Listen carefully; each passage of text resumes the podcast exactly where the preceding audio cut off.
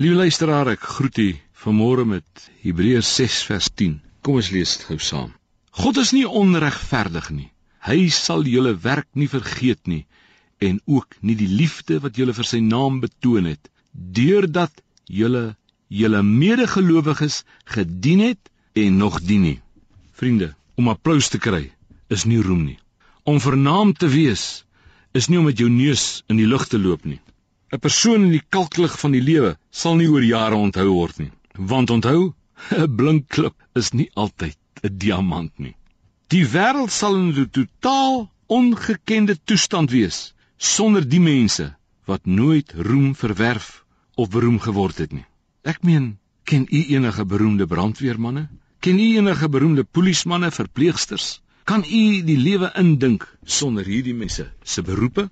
Ek meen, Dink maar aan enkele mense wat nooit die roem of bekendheid van 'n Dawid of Salomo bereik het nie. Jabes, hy was een van hulle.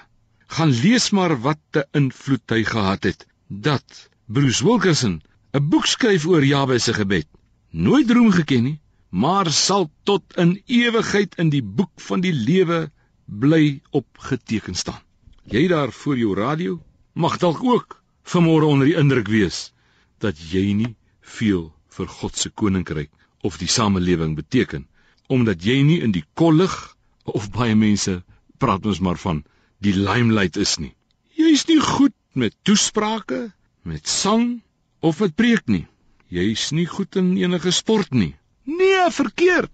Hebreërs sê hy sal nie vergeet hoe hard jy vir hom gewerk het nie. Jou liefde vir hom deurdat jy mede-Christene gedien het. Dis die dinge wat ook weer vandag in ons lewens gaan saak maak.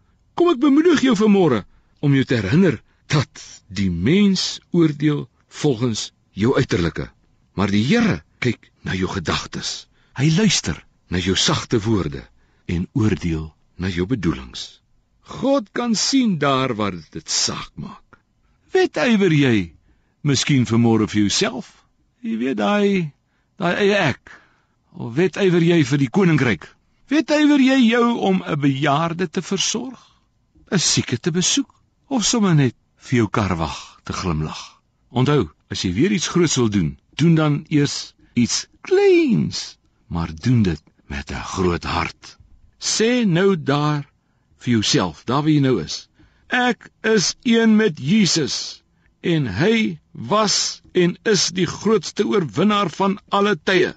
Hy het Satan vir my oorwin sodat ek vandag 'n wenner in Jesus kan en sal wees. Here, haal my gedagtes van die kollig af en plaas my fokus op Jesus. Amen.